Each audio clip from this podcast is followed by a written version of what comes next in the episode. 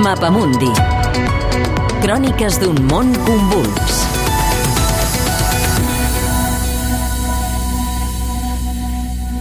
La nova batalla per l'Àfrica. Amb mercenaris, armes i trolls informàtics, Rússia està articulant el seu retorn a l'Àfrica, d'on va marxar amb la caiguda del mur de Berlín. És l'últim a afegir-se a una competició on ja participen actors molt poderosos, els Estats Units i la Xina, antigues potències colonials, França o Gran Bretanya, i potències emergents que es van obrint pas.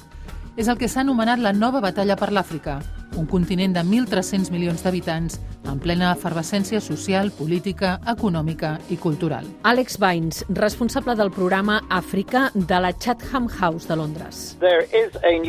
Estem veient una nova disputa per Àfrica, no només entre les grans potències, sinó també entre potències mitjanes, com ara els estats del Golf o Turquia.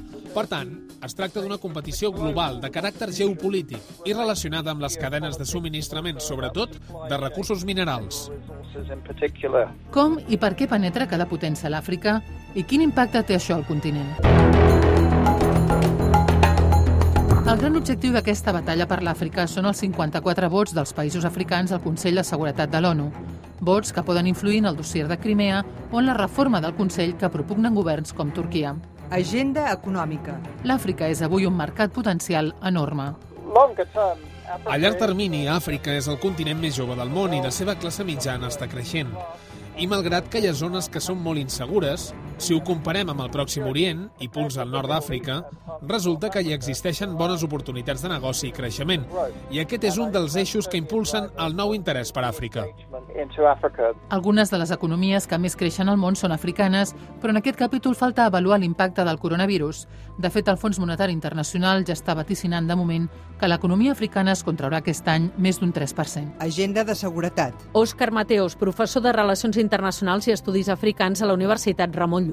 Hi ha tota una sèrie d'estratègies múltiples d'aterratge a les realitats africanes que tracten d'apuntalar el control de determinats fenòmens que es percebeixen com amenaçadors, no? com pot ser la migració, com pot ser, evidentment, el terrorisme, etc.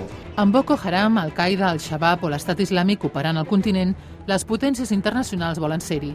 El Sahel, un hub migratori on operen molts d'aquests grups, és el principal punt calent d'aquesta agenda on està involucrada Espanya. Djibouti, a la banya d'Àfrica, concentra el nombre més alt de bases militars estrangeres del món. And I'm greatly honored to host this lunch, to be joined by the leaders of Cote d'Ivoire, Ethiopia, Ghana. Les aspiracions russes poden sortir beneficiades pel desinterès de l'administració Trump cap a l'Àfrica. Donald Trump, que no l'ha visitat mai, vol reduir la contribució dels Estats Units a missions militars africanes i va trigar dos anys a nomenar el seu secretari per al continent un desinterès que contribueix a reforçar l'absolut lideratge de la Xina. Ja fa una dècada que la Xina va superar els Estats Units com el primer soci comercial de l'Àfrica. Pequín s'ha guanyat els líders africans oferint sense condicionalitats, construint grans infraestructures, des d'estadis a preses hidroelèctriques o carreteres. Per tot plegat, Sergei Suhankin, investigador de la Jamestown Foundation de Washington, expert en política russa a l'Àfrica. Quins avantatges pot oferir Rússia? No n'estic segur. Els xinesos s'han treballat aquesta diplomàcia de fets concrets, construeixen grans infraestructures, presten diners. Però Rússia no pot fer això. Ja no és la Unió Soviètica.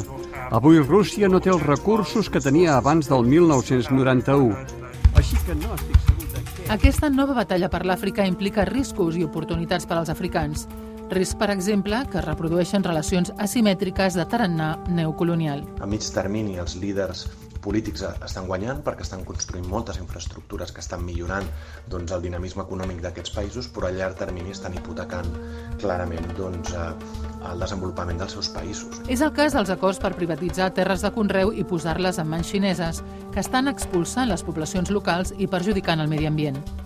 Però la batalla per l'Àfrica no ha de ser necessàriament una suma zero, com s'ha vist a Nigèria, on operen totes les potències.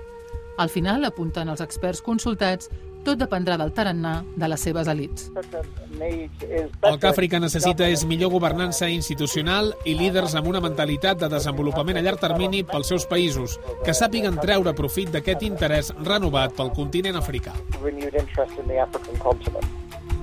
és un reportatge de Cèlia Cernades, disponible al podcast del Mapa Mundi.